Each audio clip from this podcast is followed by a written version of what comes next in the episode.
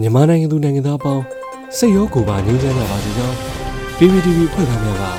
ဆုတောင်းမေတ္တာပို့သလိုက်ရပါတယ်။အခုချိန်ကစပြီးတိုင်းသားညီနောင်အင်အားစုတွေပြည်သူ့ကာကွယ်ရေးတပ်မတော် PDF တပ်သားတွေနဲ့ပြည်သူလူထုရဲ့အရှိန်ဟုန်မြင့်မားလာသောတိုက်ပွဲသတင်းတွေကိုစုစည်းတင်ဆက်ပေးသွားတော့မှာဖြစ်ပါတယ်။ကျွန်တော်ຫນွေဦးလင်းပါပထမဆုံးအနေနဲ့ဒီပိန်းညောင်လာချီရွာနီးစစ်ကောင်စီတပ်နဲ့ဒေသကာကွယ်ရေးမဟာမိတ်တပ်ဖွဲ့များကြား တိုက်ပွဲတွင်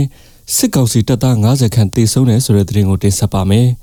။စကိုင်းတိုင်းဒီပိန်းမြို့နယ်ညောင်လာချီရွာသို့ဆယ်ကြီးကျွော်ဘက်မှ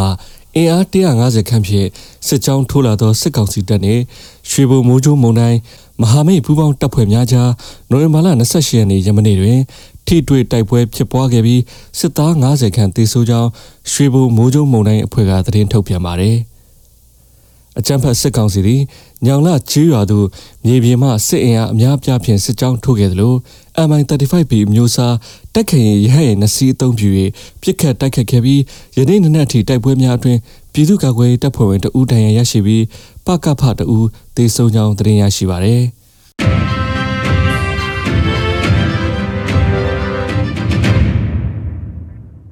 ဆလဘီမန္တလေး MPD ရုံးတွင်တက်ဆွဲထားသောစစ်တပ်ကို PDF ဝင်ပြစ် စစ်သားလေးဦးတေဆုံးဟုဆို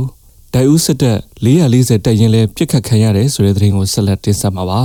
မန္တလေးပြည်ကြီးတကုံမြို့နယ်မင်းကြီးရန်အောင်လန်းအင်းခယူဖျားနီးရှိ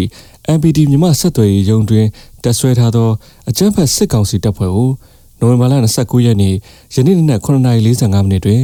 Generation Z Power Mandalay ပျောက်ကြားတပ်ဖွဲ့ကဖောက်ခွဲပစ်ခတ်တိုက်ခတ်ခဲ့ပြီးစစ်သားလေးဦးနေရာတွင်တေဆိုးကြောင်း မြို့ပြပျောက်ကြားတပ်ဖွဲ့မန္တလေးကသတင်းထုတ်ပြန်ပါတယ်။အဆိုပါစစ်ကောင်စီတပ်ဖွဲ့အားဖောက်ခွဲတိုက်ခိုက်ခဲ့ပြီး25ချက်ခန့်ဝိုင်းဝန်းပစ်ခတ်ခဲ့ကြောင်းစစ်ကောင်စီတပ်သားများကပြန်လည်ပစ်ခတ်တော့လဲဂျီဇက်ဘီဖွဲ့မှထိခိုက်ဒဏ်ရာရရှိမှုမရှိဟုသိရှိရပါတယ်။အလားတူပဲပဲခူးတိုင်းထိုင်ဦးမြို့နယ်တွင်နိုဝင်ဘာလ28ရက်နေ့ည8:00နာရီချိန်တွင်အမှတ်440တပ်ရင်းကိုအမည်မသိလက်နက်ကိုင်အဖွဲ့တစ်ခုကအချက်20ကျော်ပစ်ခတ်သွားကြောင်း ဒိုက်ဦးဒေသခံများကပြောပါတယ်။စစ်တပ်ကတော့တနက်ဆန်းတယ်လို့ဆိုပြီးဒီပစ်ခတ်မှုကိုညှင်းဆိုထားပါတယ်။ယမနေ့ညပိုင်းအမှတ်440တပ်ရင်းကိုပစ်ခတ်မှုတွင်လုံခြုံရေးကင်းဆောင်စစ်သားတို့တေဆုံးထိခိုက်မှုရှိသည်ဆိုသောသတင်းများထွက်ပေါ်လျက်ရှိတော်လဲရန်ကုန်ခေတ်တဲ့နေဖြင့်အတီးပြုနိုင်ခြင်းမရှိပါဘူး။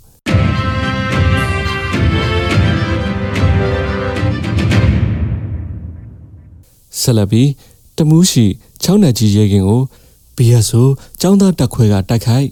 စစ်ကောင်စီတပ်ဖွဲ့ဝင်တို့တေဆုံးပြီးလက်နက်သိမ်းဆည်းရမိတဲ့တဲ့ရင်ကိုတင်ဆက်မှာပါ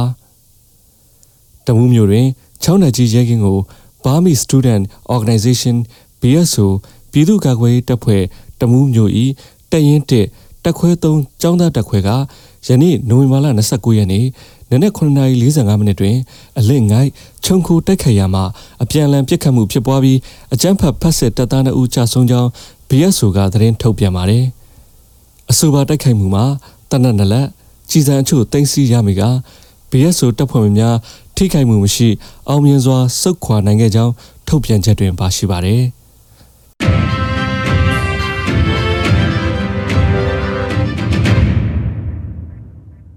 ဆက်လက်ပြီးမင်းကင်းမြို့နယ်ဖက်ခတ်ရွာနီးတိုက်ပွဲတွင်စစ်ကောင်စီနှင့်ပြူစောထူးစအုပ်ချုပ်တေဆုံးတဲ့တဲ့ရင်ကိုတင်ဆက်မှာပါ။ စကိုင်းတိုင်းဒေသကြီးမင်းကင်းမြို့နယ်ဖက်ခတ်ရွာနီးနိုဝင်ဘာလ29ရက်နေ့နနက်10:00နာရီဝန်းကျင်ခန့်ကစကားဆနဲ့ပြူစောထီများနေမြေရှင်းလင်းရေးအကြောင်းပြလှည့်လည်လာရာအသင့်ဆောက်နေရာယူထားသောမင်းကင်းပြည်သူ့ကာကွယ်ရေးတပ်ဖွဲ့ကလက်နက်ကြီးဖြင့်ပစ်ခတ်တိုက်ခိုက်ရာ10ဦးကျော်တေဆုံးပြီး20ကျော်အပြင်းထန်ဒဏ်ရာရရှိသွားတယ်လို့သိရပါတယ်။မင်းကင်းတွင် ရောက်ရှိနေတဲ့ကြောက်စိမ့်တင်မော်တော်များစုံစင်းနိုင်ရန် နေမြေရှင်းလင်းလှုပ်ဆောင်ရန်အလားတွင်ပြည်သူ့ကာကွယ်ရေးတပ်ဖွဲ့က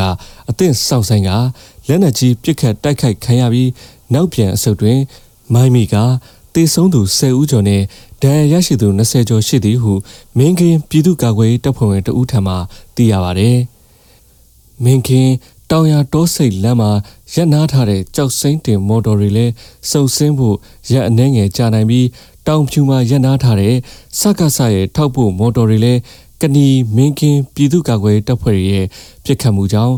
စက်ခန်းပျက်စီးသွားပြီးပြုပြင်နေရဆဲဖြစ်တယ်လို့ဒေတာကန်တွေစီကသိရပါဗျ။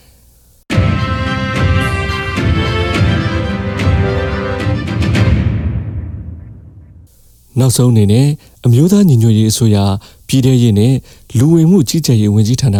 နိုဝင်ဘာလ29ရက်နေ့ရက်စွဲနဲ့ထုတ်ပြန်တဲ့ပြည်သူ့ခုခံတော်လှန်စစ်သတင်းအချက်အလက်တွေကိုတင်ဆက်ပေးသွားမှာပါ။ အာနာသိန်းအကြမ်းဖက်ဆဲအုပ်စု၏ပြည်သူလူထုပေါ်အကြမ်းဖက်ဖိနှိပ်ဖမ်းဆီးတိုက်ခိုက်တပ်ဖြတ်နေမှုများကိုပြည်သူလူထုတရက်လုံးကအသက်ရှင်သန်ရေးအတွက်မိမိကိုယ်ကိုမိမိခုခံကာကွယ်ပိုင်ခွင့်ရာပြည်သူခုခံစစ် People Defenses War ကိုဆင်နွှဲလျက်ရှိပါတယ်။တရင်ချက်လက်များအရ28ရက်17လ2021ခုနှစ်နေ့ရက်တွင်စစ်ကောင်စီတပ်ဖွဲ့ဝင်52ဦးသေဆုံးပြီး ထိခိုက်ဒဏ်ရာရရှိသူ29ဦးအထိခုခံတိုက်ခိုက်နိုင်ခဲ့ပါတယ်။စစ်အာဏာရှင်စနစ်မြမမြေပေါ်မှာအပိတိုင်ချုပ်ငြိမ်းရေးနဲ့ Federal Democracy တိဆောက်ရေးအတွက်ငြိမ်းချမ်းစွာဆန္ဒပြသည့်လူထုတပိတ်တိုက်ပွဲများကပြည်내နဲ့တိုင်းဒေသကြီးများမှာဖြစ်ပွားပေါ်ပေါက်လျက်ရှိပါတယ်။နေပြည်မှာယခုတွေ့ရတဲ့သတင်းအချက်အလက်များထက်ပို၍ဖြစ်ပွားနိုင်ပါတယ်။